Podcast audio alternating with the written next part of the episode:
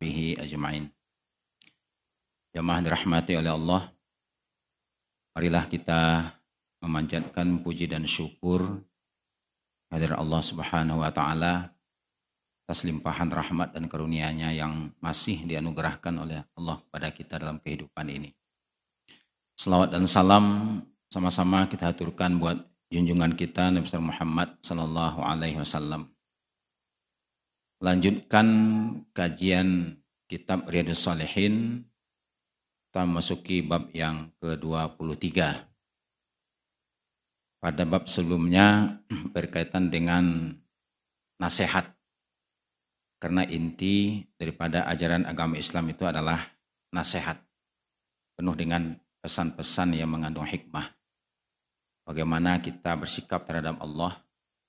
Bagaimana seharusnya kita bersikap terhadap kitabullah, terhadap Rasulullah, terhadap sesama muslim itu dijelaskan ya oleh Rasulullah SAW melalui pesan-pesannya. Sekarang kita masuk ke bab 23, bab bil amri bil ma'ruf wan nahi anil mungkar. Ini berkaitan dengan amar ma'ruf nahi mungkar.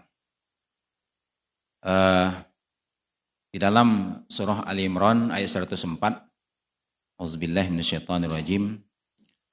Wal takum minkum ummatun yad'una ilal khair wa ya'muruna bil ma'rufi wa yanhauna 'anil munkar wa ulaika humul muflihun. Dan hendaklah ada di antara kamu sekalian wal takum minkum ummatun umat yang mengajak kepada al khair kepada al khair sering kita artikan dengan kebajikan. Di perbuatan-perbuatan baik disebut dengan khair. Bahkan ketika ada orang bertanya, Kaifa haluk? Apa kabar Anda? Khair. Bahkan ketika ada orang yang meninggal, kita bertanya kepada jamaah, bagaimana pendapat Anda sekalian terhadap mayit ini? Khair? Khair. Nah, di kata-kata khair itu artinya adalah kebaikan-kebaikan atau kebajikan. Jadi hendaklah ada. Jadi umat Islam ini hendaklah uh, ada yang berusaha untuk ya'muruna bil ma'ruf wa 'anil munkar. Di mengajak kepada yang ma'ruf dan mencegah kemungkaran. Al-ma'ruf ini didefinisikan oleh para ulama kulluma arrafahu syar'u wa aqarrahu minal ibadat al-qauliyah wal fi'liyah al-zahirah wal batinah. Ini disebut dengan ma'ruf itu adalah segala sesuatu yang dinyatakan oleh syariat itu baik. Jadi yang mengatakan baik itu adalah syariat. Ya. Arrafahu asyar'u. Dan ditetapkan melalui ibadah. Baik ibadah qauliyah, ibadah fi'liyah, ibadah zahirah dan ibadah batinah. Jadi kalau ibadah kauliyah itu melalui lisan. Bisa kita mengajak orang kepada perbuatan baik dengan lisan. Atau lisan kita ini mengucapkan kata-kata yang baik.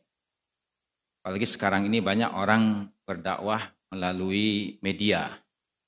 Eh, melalui media. Dia ngomong sendirian. Ya, entah di mana tempatnya, tapi direkam rekaman ini diviralkan. Nah, itu juga bisa dakwah. Tapi menjelek-jelekkan orang juga ada juga dengan demikian juga. Dia entah ngomong di mana, ya, di bawah pohon kah, di belakang rumahnya kah, di dapur kah, ya, menjelek-jelekkan orang tapi diviralkan seluruh dunia. Bulan ini perbuatannya jelek. Ya. Nah, bagi orang-orang yang nanti menjadi orang-orang yang beruntung, waulaika humul muflihun, Ya'murunya bil ma'ruf wa yanhaunya 'anil munkar. Mengajaknya kepada perbuatan ma'ruf yaitu yang dinyatakan oleh syariat itu ma'ruf, bukan oleh adat dan tradisi atau bukan oleh pikiran kita. Kenapa? Karena baik buruk itu bukan ditentukan oleh tradisi. Tapi baik buruk itu ditentukan oleh syariat. Dan ada yang memang syariat, ada yang ada tradisi yang sesuai dengan syariat. Makanya kan ada orang melandasi ya adatnya itu berlandaskan syariat ada. Ya, adat bersandi syarak, syarak bersandi kitabullah katanya. Ya, jadi eh, tradisinya itu dilandasi oleh syariat, disesuaikan. Mana-mana yang tidak sesuai ya ditinggalkan. Dan itu banyak di tengah-tengah masyarakat kita tradisi-tradisi yang eh, sesuai, tapi ada juga yang tidak sesuai. Nah, jadi oleh karena itu ma'ruf itu yang mengatakan ma'ruf itu bukan kita, bukan masyarakat, tetapi adalah syariat. Dan begitu juga yang dikatakan mungkar, kulluma angkarahu asyara'u wa mana'ahu min anwa'il ma'asi minal kufri wal fusuki wal isyani wal kazib wal ghibah wal namimah wa ghaira zalik. Dan dikatakan yang mungkar itu adalah segala sesuatu yang syariat mengingkarinya dan mencegahnya, ya, mencegah supaya tidak direalisasikan. Kenapa? Karena disebut dengan ma'asi. Ma'asi itu bentuk jamak daripada maksiat. Ya, maksiat itu bentuk jamaknya ma'asi. Ada yang maksiat itu oh, kekufuran. Ya, ada maksiat itu kefasikan. Ada maksiat itu isyan. Isyan itu sendiri. Itu perbuatan-perbuatan yang melanggar aturan. Ada kemaksiatan itu kedustaan, gibah, namimah, ya, dan banyak lagi macam ragamnya. Nah inilah yang di mana tidaklah ada ya orang yang mengajak kepada yang ma'ruf dan mencegah kepada yang mungkar. Itu dalam satu ayat pertama surah Ali Imran 104. Kemudian juga dalam masih dalam surah Ali Imran ayat 110 Allah menyatakan auzubillahi minasyaitonirrajim Kuntum khaira ummatin ukhrijat linnasi ta'muruna bil ma'rufi wa tanhauna 'anil munkar. Kamu sekalian adalah sebaik-baik umat. Jadi umat Nabi Muhammad disebut dengan khaira ummatin. Umat terbaik ya yang di mana Allah turunkan ya Allah lahirkan di tengah-tengah kehidupan ini dan kriteria umat terbaik ini adalah takmuru nabil ma'ruf wa tanhauna 'anil munkar. Jadi nanti kemudian ma'ruf ditentukan oleh syariat, yang mungkar juga ditentukan nanti oleh syariat. Jadi bukan berdasarkan eh, keinginan kita atau pandangan kita. Kemudian juga ada ayat dalam surah Al-A'raf 199. Uzil afwa wa'mur bil urf wa'arid anil jahilin. Ya khudil afwa itu uh, secara literalnya kan ambillah maaf, tapi maksudnya berilah maaf. Ya, karena dalam di dalam syariat Islam itu uh, sifat pemaaf ini menjadi karakter orang muslim. Ya, bukan pendendam. Ya, kalau iblis itu karakternya pendendam. Ya. Saking dendamnya itu sampai uh, suatu ketika ya kalau kita melihat dalam uh, beberapa buku tentang uh, ada nama buku namanya Godaan Syaitan. Dulu ditulis oleh Bay Arifin. Ya. Jadi ada sebuah cerita dijelaskan dalam buku itu. Iblis datang ke Nabi Musa. Hai Musa, uh, coba tanya kepada Allah, aku masih bisa nggak bertobat? Jadi rupanya keinginan bertobatnya masih ada. Tapi Musa kan bisa langsung cara dengan Allah. Kata Allah, bisa. Ya, bisa. Terus oh, sampaikan lagi, oh bisa bertobat. Itu caranya gimana? Nabi Musa tanya lagi kepada Allah, gimana caranya untuk bertobat iblis ini? Kata Allah, suruh iblis itu cari kuburan Nabi Adam. Sujud di sana. Bertobatnya diterima. Mendengar nama Adam itu langsung ya sakit hatinya muncul gitu. Ya. Dulu saja, ah gitu kan, dulu saja ketika Nabi Adam masih hidup, aku nggak mau sujud. Apalagi sekarang udah mati. Ya, akan dendamnya itu sampai bayangkan gitu, Nabi Adam Nuh, Idris, Hud, Soleh, sampai Nabi Musa. Ya, cukup lama gitu dendamnya. Makanya orang-orang pendendam itu itu uh, sifat iblis itu. Makanya di dalam salah satu hadis, ini hadisnya sahih ya, disahkan oleh Imam Al-Bani dalam silsilah hadis sahihah tentang nisfu Sa'ban ya. Kalau soal amalan-amalannya itu mungkin lagi ada perbedaan. Tapi tentang keutamaan malam nisfu Sa'ban ini ada hadis sahihnya. Ya. Allah turun ya, disebutnya yatali. Yatali itu memperhatikan hambanya. Ya, di malam hari itu dan kemudian memberikan ampunan kepada seluruh makhluknya kecuali nah, ada kecualinya. Ya kecuali yang tidak diampuni pertama adalah orang musyrik. Di pelaku pelaku perbuatan syirik ya. Orang musyrik itu kadang-kadang sudah tiga kali empat kali pergi haji ya. Tapi masih melakukan kemusyrikan. Dia pergi haji itu karena bisnisnya maju. Bila dia pergi haji. Tapi bisnisnya maju itu ya dia dia kira ya. Karena dia mau pergi ke dukun dikiranya dukun. Itulah yang membuat dia maju. Nah itu namanya musyrik itu. Ya kalau ada orang buat buat usaha gitu kan ya pergi ke dukun-dukun minta supaya kasih malan ataupun apa yang dikerjakan begitu. Nah itu biasanya ya, kolaborasinya dengan setan iblis. Ya kadang-kadang ya Allah mengabulkan juga. Kan yang memberikan ya segala sesuatu itu kan baik buruk kan dari Allah. Ya al, apa namanya al khair wa syarru ya bimasyiatillah. Semuanya berlaku dengan ketentuan dari Allah Subhanahu wa taala. Nah, jadi sifat iblis itu pendendam. Nah, ketika ada orang yang mampu menahan emosinya dan memaafkan. Nah, ini disebut dengan orang-orang yang baik. Ya, wal kazimin al ghaiza wal afina 'anin nas wallahu yuhibbul muhsinin. Jadi mampu menahan emosi tapi memaafkan. Kalau mampu menahan emosi tapi tidak maaf, ah itu namanya dendam. Ya, dendam. Di uh, afwa. Di Rasulullah itu disuruh banyak memaafkan. Kenapa? Karena umatnya itu banyak ragamnya. Ya, kalau Rasulullah tidak pemaaf, ya mungkin sudah hancur itu. Ya, Rasulullah pernah dilempari dengan batu sampai uh, malaikat penjaga gunung pun ya nggak tega gitu melihat Rasulullah diperlakukan demikian. Saya izin kepada Rasulullah, gimana kalau aku hajar mereka ya Rasulullah. Tapi malaikat kan nggak bisa berbuat kalau kalau tidak ada izin dari Allah. Ya, dia mengatakan kepada Rasulullah begitu supaya Rasulullah minta izin kepada Allah supaya malaikat ini bisa membalas pada orang-orang ya kalau tidak salah itu di Taif waktu itu. Ya, tapi Rasulullah justru bukan ya bukan mendendam, bahkan mendoakan gitu. Allah mahdi qaumi, ha, gitu, tunjukilah kaumku ya karena mereka tuh nggak paham ya Allah. Ya kalau bukan mereka yang nanti mana tahu pengikutnya mana tahu uh, keturunannya. Nah, itulah Rasulullah sebagai uh, hamba Allah yang sangat pemaaf kepada umatnya cinta kepada umatnya.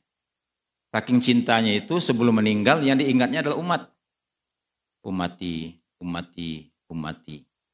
Ya as-salah as-salah. Mungkin maksud pesan Rasul itu umatku jangan sekali-kali engkau tinggalkan sholat. Kenapa? Karena sholat ini penentu. Ya, penentu dari semua ibadah yang kita lakukan. Ya, kalau ada orang puasanya rajin, ya kelihatannya taat tapi nggak sholat, nah itu bisa puasanya itu sia-sia. Ya, makanya sholat disebut dengan uh, imaduddin. Bahkan dikatakan awaluma yuhasabu bil abdu yaumal qiyamah as-sholah. Jadi amal perbuatan yang pertama kali ditanya nanti di hari akhirat itu adalah sholat. Kalau sholatnya diterima, nah yang lain bisa diterima. Tapi kalau sholatnya itu tidak diterima, yang lain besar kemungkinan juga akan ditolak. Kenapa? Karena sudah runtuh. Karena bangunannya sudah runtuh. Jadi di sini khuzil afwa wa'mur bil urfi wa'arid anil jahilin. Kemudian dalam uh, surah At-Taubah ayat 71 wal mu'minuna wal mu'minatu ba'duhum awliya'u ba'din ya'muruna bil ma'ruf wa yanhauna 'anil munkar. Ya. Jadi mukmin laki-laki, mukmin wanita itu antara satu dengan yang lainnya itu saling tolong menolong. Ya, dalam hal apa? Ya muruna bil ma'ruf wa yanhauna 'anil munkar. Ya, makanya kalau kita lihat eh, di dalam peperangan pun juga di zaman Rasulullah sahabat wanita juga ikut terlibat. Ya. Dan kalau ada perjuangan-perjuangan ya, kemerdekaan pun kaum wanita juga terlibat. Apalagi di Indonesia. Ya, terkenal itu. Ya, ada namanya Cut Din, ya.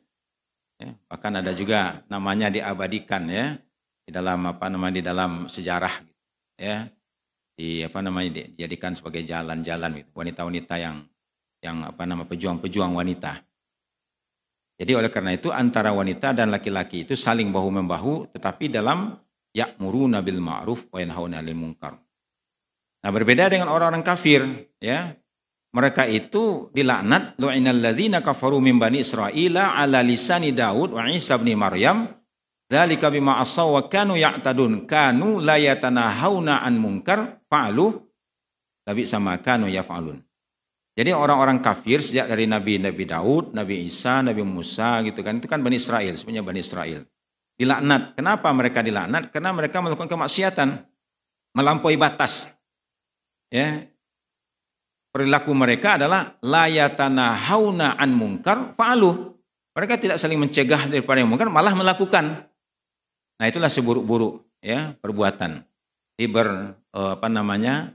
Kalau istilah sekarang kan berkolaborasi katanya, ya tahun. Bahkan ada istilahnya eh, dosa kolektif. Kenapa? Karena melakukannya bersama-sama, gitu. Ya. Nah, dosa kolektif itu kalau satu ternyata melakukan kesalahan terbukti, nah, nanti merembet yang lain. Ya, karena dia kolektif. Ya, nah, itu yang terjadi sekarang. Ya, sebulan A gitu kan, ah merembet ke mana lagi, merembet ke mana lagi. Ya, kenapa? Karena dosanya adalah kolektif. Jadi ini uh, dalam Al-Quran ya perintah untuk uh, takmuru nabil ma'ruf wa tanahuna anil munkar. Nah kemudian di dalam uh, hadis ya dalam hadis kitab Ridho Salihin ini hadis yang pertama an Abi Sa'id Al Khudri radhiyallahu anhu Sami'tu Rasulullah sallallahu alaihi wasallam yaqul. Jadi kata uh, Abu Sa'id Al-Khudri, aku mendengarkan Rasulullah itu uh, berbicara. Ya, jadi ini namanya hadis ya di mana didengar oleh sahabat ya, lalu disampaikan. Ini hadis kauliah. Kata Rasulullah begini, "Man ra'a minkum mungkaron falyughayyirhu biyadihi." Fa illam yastati' fa bilisani. Fa illam yastati' fa biqalbih. Wa zalika adhaful iman. Ya rawahu Muslim. Di dalam uh, hadis ini man ro'a ya barang siapa yang melihat ya di antara kamu sekalian ya man ro'a minkum berarti di sini bisa bersifat personal bisa juga bersama-sama ya berkaitan dengan kemungkaran ini maka hendaklah dia robah dengan tangannya. Falyughayyirhu biyadih. Uh, bahasa Arab ini uh, syarat dengan bahasa kiasan. Ya, ini salah satu di antara kelebihan ya uh, bahasa Arab itu terkadang dia tidak mengatakan secara langsung tapi dengan bahasa kiasan. Ya, tangan. Kenapa? Karena ada kemungkaran tidak pakai tangan, merubahnya gitu ya. Ini kata-kata tangan di sini tentu harus diterjemahkan. Apa maknanya tangan itu? Ya, kita juga misalnya hadis al yadul ulia khairun minda yadis sufla, tangan juga. Ya. Nah, yadullah faqau aidihim, ya tangan juga. Ya. Nah, jadi di sini eh, pengertian daripada yad itu tangan itu ya disebut salah satu anggota itu maknanya adalah ya dengan segala potensi yang kita miliki ya sehingga ada yang mengatakan tangan itu adalah kekuasaan. Ya jadi kalau misalnya kita misalnya diangkat menjadi uh, lurah ya atau RW atau RT lalu kemudian ada warga ya tengah malam dia mabuk-mabukkan lalu kemudian main judi ya tidak jauh dari rumah Pak RT Pak RT-nya tahu ya dan dia punya power untuk mencegahnya Nah ini harus dilakukan. Ya. Kenapa? Karena dia punya power. Nah ya, jadi yat itu bisa diartikan juga kekuasaan. Ya. Kekuasaan. Kenapa? Karena tangan. Ya, disebutnya dengan tangan. Maka hendaklah dirubah dengan tangannya. Ya, atau misalnya kita punya anak kemenakan ya yang melakukan perbuatan yang menyeleweng menyimpang kita panggil. Kenapa? Karena kita ada powernya. Ya, bisa memanggil dia. Ini kan ponakan saya, anak saya.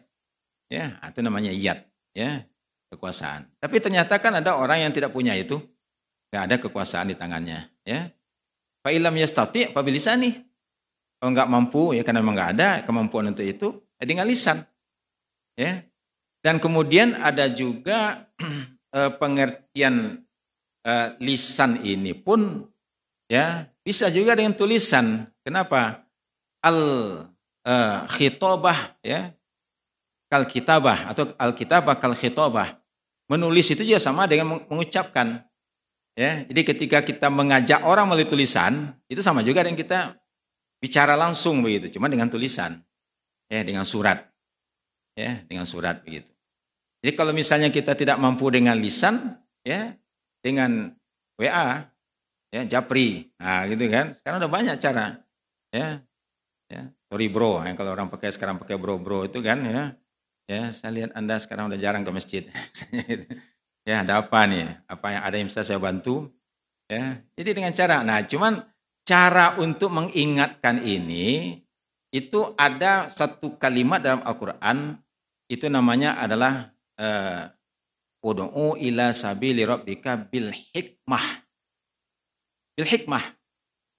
Nah ini ini yang hikmahnya inilah yang harus kita pelajari bagaimana caranya hikmah. Ya, ada pengertian hikmah itu adalah mencoba memahami mad'u. Ya, dengan siapa kita bicara sehingga sampai pesan itu. Kan sebetulnya substansi daripada dakwah itu kan menyampaikan pesan sampai pesan itu kepada yang objek di mana kita akan menyampaikan pesan namanya al-mad'um, yang diajak. Jadi kalau misalnya yang diajak itu dia paham bahasa Inggris, maka kita jangan pakai bahasa Arab mengajaknya. Kalau bahasa Sunda nggak ngerti dia. Ya harus pakai bahasa Inggris. Ya, kalau yang kita ajak orang Jawa pakai bahasa Jawa. Ya, itu salah satu pengertian daripada uh, dengan apa namanya dengan hikmah itu sampai pesannya. Ya. Jadi dengan bahasa yang dimengerti oleh mat'u. Makanya ada hadis mengatakan ya harus mengatakan kalimin nas ala qadri uqulihim. Ya, sampaikan pesan ya sesuai dengan akal mereka. Makanya kan kalau jamaahnya banyak anak muda, itu kan ada juga penceramah muda yang disenangin. Kenapa? Karena dia pandai menyampaikan pesan. Ya, orang yang tua enggak, enggak bisa, ya. Enggak, enggak, enggak, enggak, enggak sampai begitu, ya. Karena bahasanya beda gitu. Dari bahasa sekarang, ya. Nah, itu. Jadi itu harus harus harus bisa me, me, apa, memahami hikmah itu. Nah, kemudian kata hikmah juga dipahami dengan cara yang santun. Ya, dengan cara yang santun. Ya, sehingga apa? Sehingga uh, orang yang dinasihati itu ya bisa paham ya, bisa mengerti. Bahkan sekarang ini ada uh, tapi ini kan kita lihat diviralkan ya. Jadi ada sekelompok wanita wanita-wanita muslimah ya, tapi kejadiannya kelihatan di negara Eropa sana. Dia bawa uh, pakaian muslimah yang baik itu kan lalu ada wanita-wanita yang berpakaian terbuka auratnya panggil diajak ngobrol. Mungkin dengan cara yang baik begitu ya sehingga mau dipakaikan ya jilbabnya gitu. Nanti dilihatkan fotonya ya dia terharu sendiri begitu. Ya akhirnya dia setelah itu ingin tahu apa ini? Bagaimana cara apa e, kok sopan begini? begitu kan. Karena pakaian Islam itu sangat sangat ini begitu ya. Kalau secara fitrah kemanusiaan orang itu senang senang ya dengan pakaian muslimah Ya, cuman kadang-kadang kan budaya, tradisi yang membuat mereka itu ya melakukan ya karena mungkin tidak mengerti tidak paham. Itu juga bisa bagian daripada hikmah. Yang ud'u ila sabil rabbika bil hikmah. Ya wal mau'izatil hasanah. Nah, jadi oleh karena itu menerapkan ya man ra'a minkum mungkaron itu ya harus dipertimbangkan. Jangan lihat langsung begitu kan, ya. Langsung di apa namanya? Kecuali kalau memang ada hal-hal yang memang harus seperti itu. Ya, kalau misalnya seseorang ya sebagai kalau dahulu itu di beberapa negara itu ada namanya polisi pencegah maksiat. Jadi kalau ada dua orang gadis bujang berdua-duaan di taman ditanya, awak ini eh, sudah berkeluarga kah atau belum? Kalau berkeluarga mana keluarganya? Kalau tidak, awak itu kan dinasihatin. Ya kalau kita mungkin di sini nggak biasa budaya begitu. Ya, Kenapa? Karena sudah malah kebiasaan. Ya, ada orang berboncengan mau ditegur misalnya ternyata yang satu ojek online ya yang mengantar pergi ke kampus. Nah, sekarang karena ada ojek online itu ada mahasiswa pura-pura pakai ojek online ngantar teman wanitanya gitu. Nah, orang nggak protes juga. Ya, nah, itu budaya yang kadang-kadang ya bisa merubah ya cara berpikir. Baik, jadi itu hadis yang pertama. Man ra'a minkum mungkaran falyughayyiru biyadihi. Fa illam yastati' fa bilisani, fa illam yastati' fa biqalbi. Untuk bisa tidak senang dengan kemungkaran itu ternyata tidak gampang juga. Kenapa? Karena hati itu kan sangat sensitif. Ya. Sangat sensitif. Kalau hati itu penuh dengan ya kemaksiatan dosa, maka perbuatan dosa itu enggak enggak terganggu dia dengan melihat dosa itu enggak terganggu dia. Ya, kenapa? Karena dalam di hatinya itu makanya kan kenapa ada penyakit-penyakit hati yang memang harus ya kita apa kita singkirkan. Ya, salah satu untuk menyingkirkan penyakit hati itulah dengan banyak berzikir. Ya, berzikir pada Allah. Makanya ulama-ulama dahulu itu kan sangat tekun berzikir karena khawatir ada penyakit-penyakit hati. Ya, di antara penyakit hati itu yang bisa mengena siapa saja adalah ujub ya bangga dengan dirinya sendiri disebut dengan ijabul mar'i bin nafsi ya atau timbul takabur. Ya awalnya kan ujub merasa diri hebat merasa diri pandai merasa diri lebih paham bahkan merasa diri lebih baik dari orang lain. Nah ketika merendahkan orang lain ya dengan sikapkah dengan perbuatankah dengan ucapankah maka dia telah memposisikan dirinya lebih baik dari orang lain, orang lain lebih hina daripada dia, itu yang disebut dengan takabur. Ya, nah takabur ini bahaya juga. Ya, kenapa? Kalau dalam diri seorang itu ada sifat takabur dalam dirinya, nah ini kan ada juga hadis Nabi yang barangkali perlu kita renungkan gitu ya. La yadkhulul jannata man kana fi qalbihi misqala habatin min kibrin. Akan masuk surga seseorang yang di dalam hatinya itu ada sifat sombong takabur walaupun sedikit ya nah, membersihkan di kesombongan itu juga perlu makanya kan kalau kita perhatikan ya para ulama-ulama terdahulu itu ada yang disebut dengan uh, mereka menyebutnya dengan riyadhah juga begitu ya jadi semacam latihan-latihan ibadah dilakukan secara terus menerus sehingga jiwanya menjadi bersih begitu ya jadi itu upaya-upaya untuk uh, supaya dalam hati kita itu ada rasa sensitivitas terhadap ya perbuatan dosa dan maksiat Ya, makanya ketika seseorang itu kata Nabi, salah sunman kunafi wajada halawatal iman. Kalau ada tiga hal ini kata Rasulullah, dia akan dapat merasakan manisnya iman. Ya, yang pertama adalah ayakunallah wa rasulullah ahaba ilaihi masiwahuma. Mencintai Allah melebihi segala-galanya. Nah, ini, ini juga berat ya. Kenapa? Karena kecintaan dominannya terkadang sekarang ini kepada uh, materi, ya, kepada benda, kepada harta, ya. Nah, Buktinya apa? Orang cinta malas berinfak bersodakoh. Ya, padahal infak sodakoh itu sebetulnya itulah yang menjadi harta kita sebetulnya. Ya, dikumpul-kumpulkan juga uang ya bermiliar-miliar bahkan ada yang triliunan setelah itu mati. Ya, uang itu diperbuatkan orang. Ya, apalagi kalau nanti mendapatkan uang miliaran itu triliunan itu dengan cara yang haram. Nah, berat bertanggung jawabnya nanti di hari akhirat. Sementara kita tidak menikmati, tapi harus bertanggung jawabkan. Itu bahayanya. Jadi makanya kalaupun kaya, bagaimana kekayaan itu menjadi sarana ibadah di hadapan Allah. Ya, jadi jangan sampai kekayaan itu justru menjadi beban di akhirat nanti. Ya, kenapa? Karena manusia itu makanya ada istilah zuhud. Imam Malik itu kaya. Ya, bahkan eh, Imam Abu Hanifah juga kaya. Banyak ulama-ulama yang kaya. Tapi kekayaannya itu digunakannya apa? Untuk membantu menolong orang-orang yang ahli ibadah yang nggak sempat berusaha.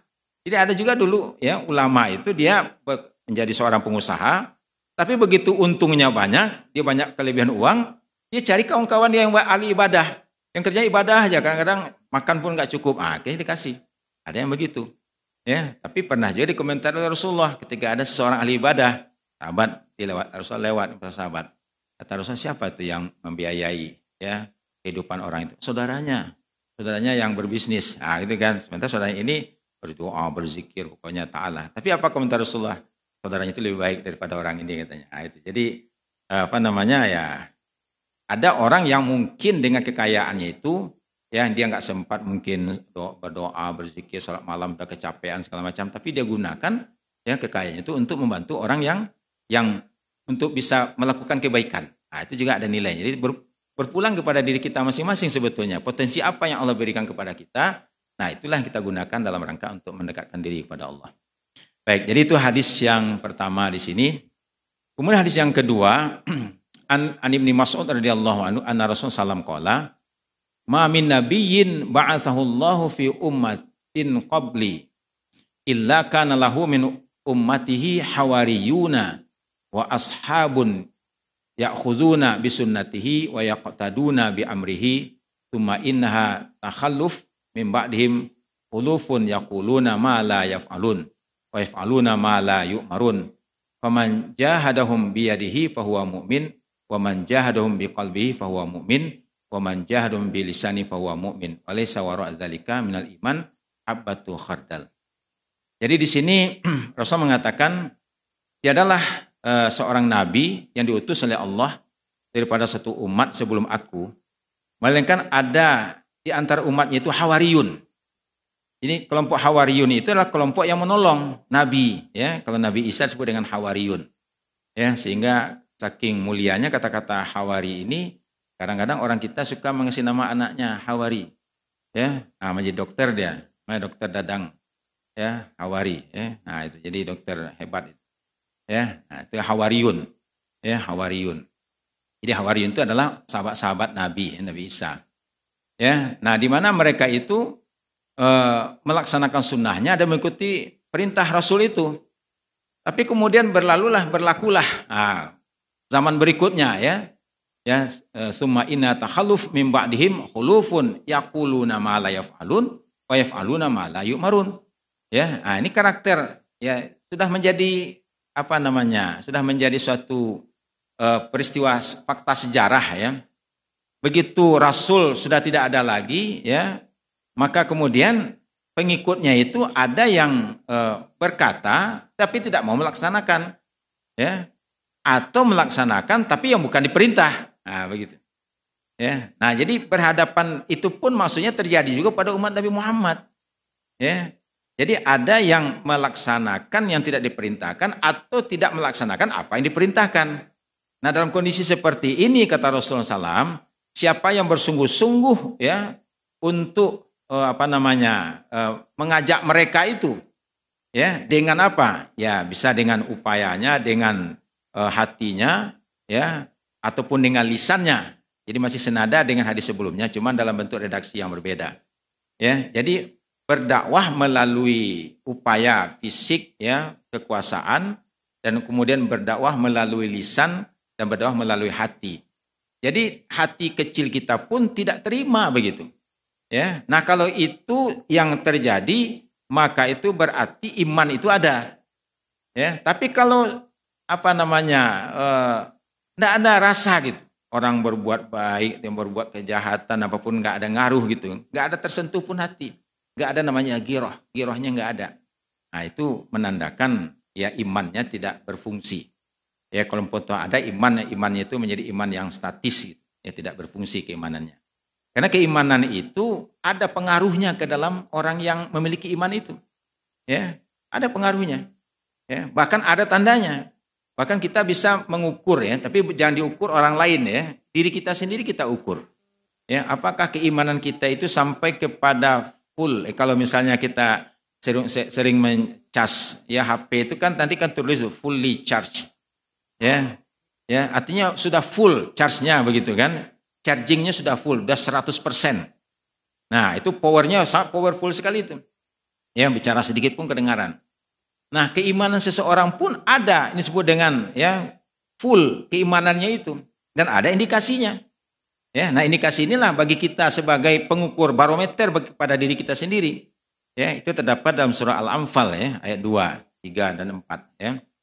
Auzubillahi minasyaitonirrajim. Innamal mu'minuna alladzina idza dzukirallah wajilat qulubuhum. Ya, wa idza tuliyat alaihim ayatuhu zadam imana wa 'ala rabbihim yatawakkalun.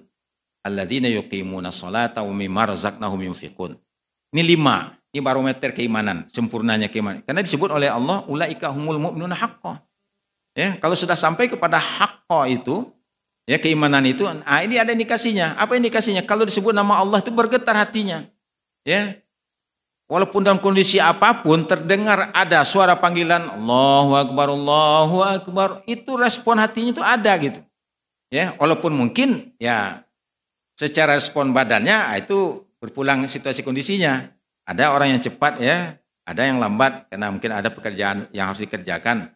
Ya, tetapi secara batin, batin itu merespon. Ya, begitu mendengarkan suara takbir berkumandang untuk mengajak kepada perbuatan baik, ya misalkan sholat, hatinya itu langsung merespon. Ya, langsung dia ikuti. Ya, azan itu dia ikuti. Nah, itu namanya adalah hati yang sudah uh, sampai kepada tingkat keimanan yang tinggi. Jadi kalau mendengarkan kalimat Allah disebut, apakah itu takbir, tak, tas, apa, tas, uh, tasbih, tahmid, ya, tahlil, itu hatinya itu terpengaruh dengan kalimat itu. Ya, jadi apa namanya? Ada getarannya. Nah, itu yang pertama. Kemudian yang kedua, wa idza tuliyat alaihim ayatuhu zarum imana. Kalau dibacakan, tuliat itu dibaca, tilawah, ya. Makanya di dalam tilawah itu itu diperhatikan betul makharijul huruf, sifatul huruf. Kalau kita membaca tilawah Al-Qur'an. Ya, karena membaca Al-Qur'an itu ada empat cara menurut uh, ahli tajwid. Yang pertama namanya dengan secara tahqiq. Ya, secara jelas, pelan. Itu biasanya untuk mengajar ya mengajarkan Al-Qur'an kepada orang yang belum pernah belajar Al-Qur'an itu dengan tahqiq. Kemudian kedua dengan tartil. Tartil itu yang yang standar, yang biasa dibaca ketika kita sholat ya berjamaah, imam itu membacanya dengan tartil. Dan memang dalam Quran dikatakan waratil Qur'an tartila. Baca Al-Quran dengan tartil. Ya. Nah kemudian yang ketiga ada namanya hadar. Hadar itu cepat ya, tapi tujuannya murojaah. Itu biasanya dilakukan oleh para uh, hafizul Quran. Karena orang yang hafal Quran itu dia harus membaca Quran itu 30 juz itu dalam satu minggu itu satu kali harus khatam. Ya, kalau dia nggak khatam dalam seminggu itu bisa hilang hafalannya itu. Ya. Maka para ulama ya, ada seorang ulama terkenal ya. Namanya uh, uh, Syekh uh, disebutnya Syekhuna ya, Muhammad Khalil Al-Bangkalan ya. Di Bangkalan di Madura ya ya kalau mau ke sana itu harus melewati namanya uh, Suramadu ya. Suramadu. Tapi ada orang Madura nggak mau Suramadu Madu Suro katanya ya. Atau lah itu ada ada ada ceritanya juga mungkin. Nah di situ ada ulama namanya uh, Khalil Bangkalan. Jadi rupanya ulama ini sezaman dengan seorang ulama di tanah suci namanya uh, Syekh Yasin Al-Fadani. Ya kalau sebut Al-Fadani orang Padang. Ya, nah Syekh Al-Fadani ini berkomentar tentang Syekh Khalil ini. Ini orang soleh gitu. Pokoknya kalau dalam tiga hari sekali itu dia ketemu Quran. Ya, nah itu menurut temannya lah gitu ya, karena berkawan gitu. Karena Syekh Khalil ini punya murid ya ada namanya Ki Haji Hashim Asyari yang belakang kemudian menjadi pendiri Nahdlatul Ulama. Ya, kemudian ada juga ya, apa namanya eh, Ki Haji Ahmad Dahlan ya yang yang kemudian mendirikan partai namanya Muhammadiyah. Aisyah satu guru rupanya gitu ya. Ya, nah, nah Bangkalan ini pun punya guru namanya Syekh Nawi Al-Bantani, orang Banten. Nah, ini ketemunya di Mekah. Ya, nah itu jadi ulama itu itu namanya sanat. Ya, ada rangkaian-rangkaian itu jelas. Ya, ulama itu jelas sanatnya dengan siapa gitu. Nanti dari situ pun kemudian diketahui oh mazhab fikihnya apa, mazhab eh, dari segi eh, keyakinannya bagaimana, itu diketahui dari situ. Ya, kembali kita kepada eh, itu uh, upaya untuk uh, melembutkan hati. Nah, kembali ke Pangkalan ini termasuk orang yang ahli ibadah. Ya, makanya kalau kita masuk kota Madura itu ada spanduk. Anda masuk kota zikir dan selawat. Hanya beliau ini ahli selawat. Memang ada selawatnya khusus dia. Ya, saya pernah disampaikan oleh kawan begitu. Jadi selawat itu begini kira-kira uh, maknanya gitu ya. Allahumma salli ala sayyidina Muhammadin salatan. Itu kan setelah berselawat dia berdoa. Ya, apa doanya? Salatan taj'aluna bihi ya min ahlil ilmi zahiran wa batinan. Wa tahsyuruna bi ibadika salihina fi dunyana wa ukhrana ya wa ala alihi washabihi ajmain. Ya ya Allah berilah selawat kepada Rasulullah. Ya dengan berselawat ini jadikanlah kami dengannya. Kita berselawat itu doa itu doa di situ maksudnya. Sama juga kita ada mengatakan Allahumma salli ala sayyidina Muhammadin salatan tunji nabi hamin jamil ahwali wal afat. Artinya kita berdoa dengan berselawat itu. Tapi doanya kalau beliau apa? Taja'aluna biha min ahlil ilmi zahiran wa batinan. Ya, menjadi ahli ilmu. Ya, makanya luar biasa. Kalau ulama dulu itu itu ingin jadi tapi ilmunya zahir dan batin. Apa maksud dengan zahir dan batin itu? Kalau sholat itu kan zahir, tapi batinnya apa? Khusyuk. Ya. Jadi substansi sholat itu kalau yang zahir membaca Bismillahirrahmanirrahim. Alhamdulillahirabbil alamin. Ya kita baca. Tapi yang batinnya apa? Ketika kita membaca Al-Fatihah itu kita menghayati bacaannya. Ya. Kenapa? Karena memang e, salah satu kelemahan kita ya. Saya kena dosen ya. Jadi di, terakhir itu ada namanya ujian komprehensif. Ya, jadi anak-anak mahasiswa yang akan ujian skripsi itu harus melewati ujian komprehensif. Ya, kalau saya bertanya nggak banyak-banyak. Kamu udah sholat berapa tahun? Saya, ya, 15 tahun lebih. Nah, sekarang coba baca. Bacaannya mengerti. Ya, coba terjemahkan. Apa itu? Ya, Al-Fatihah saja kadang-kadang bisa-bisa nggak tahu artinya. Ya, iya karena berdua, iya karena stain. Apa maknanya itu? Ya, Malik Yomidin. Apa maknanya Malik Yomidin? Ya, kalau Al-Quran itu kan pembukaannya itu kan disebut dengan Fatihah itu pembukanya itu kan tercakup semua kandungan Al-Quran di situ. Ya, salah satunya adalah Malik Yomidin. Nah, kalau Malik Yomidin ini dipahami betul, maka sikap perbuatan kita akan berpikir dua kali kalau nanti di hari akhirat itu akan sengsara gitu. Karena ada ada hari pembalasan. Ya, Yaumiddin itu kan dekat ya, tapi ada juga dulu orang menerjemahkan karena mungkin tidak mengerti bahasa Arab, hari agama katanya. Ya memang din itu agama, cuma dalam konteks Malik Yomidin itu bukan agama artinya. Itu ada kata-kata dana ya dinu ya kamata dinu tudanu yaitu balasan ya pembalasan jadi akan dibalasi ya balasan itu dua macam. Ada balasan yang baik ada balasan yang buruk. Disempurnakannya nanti dari akhirat. Ya kullu nafsin zaikatul maut wa innamat tuwaffawna ujurakum yaumal qiyamah jadi di dunia ini banyak orang yang berbuat eh, baik tidak mendapatkan balasan atas kebaikannya itu. Banyak orang yang jahat belum mendapatkan juga ganjaran terhadap uh, kejahatannya itu. Nah, nanti di akhirat dia akan dapat merasakan itu.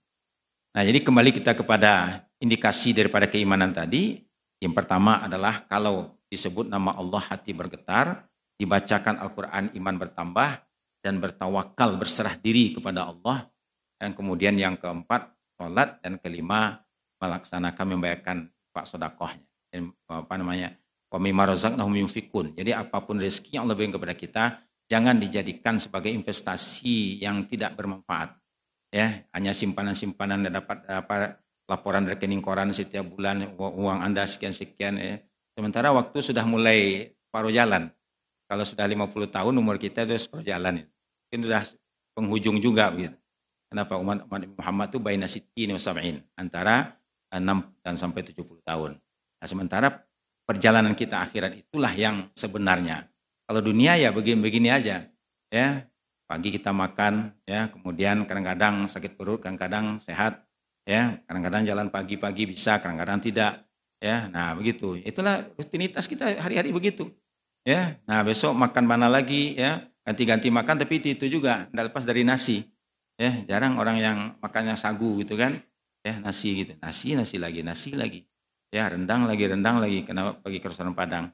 Ya, itulah apa namanya rutinitas kita sementara yang sebenarnya adalah akhirat. Jadi kita jadikan dunia ini sebagai sarana untuk bahagia di akhirat nanti. Ini beberapa hadis yang kita bahas pada malam hari ini. Uh, mudah-mudahan ada manfaatnya karena waktu isya sudah masuk. Mari kita tutup dengan doa kepada majelis. Subhanakallahumma rabbana bihamdika asyhadu an la ilaha illa anta astaghfiruka wa atubu ilaik. Assalamualaikum warahmatullahi wabarakatuh.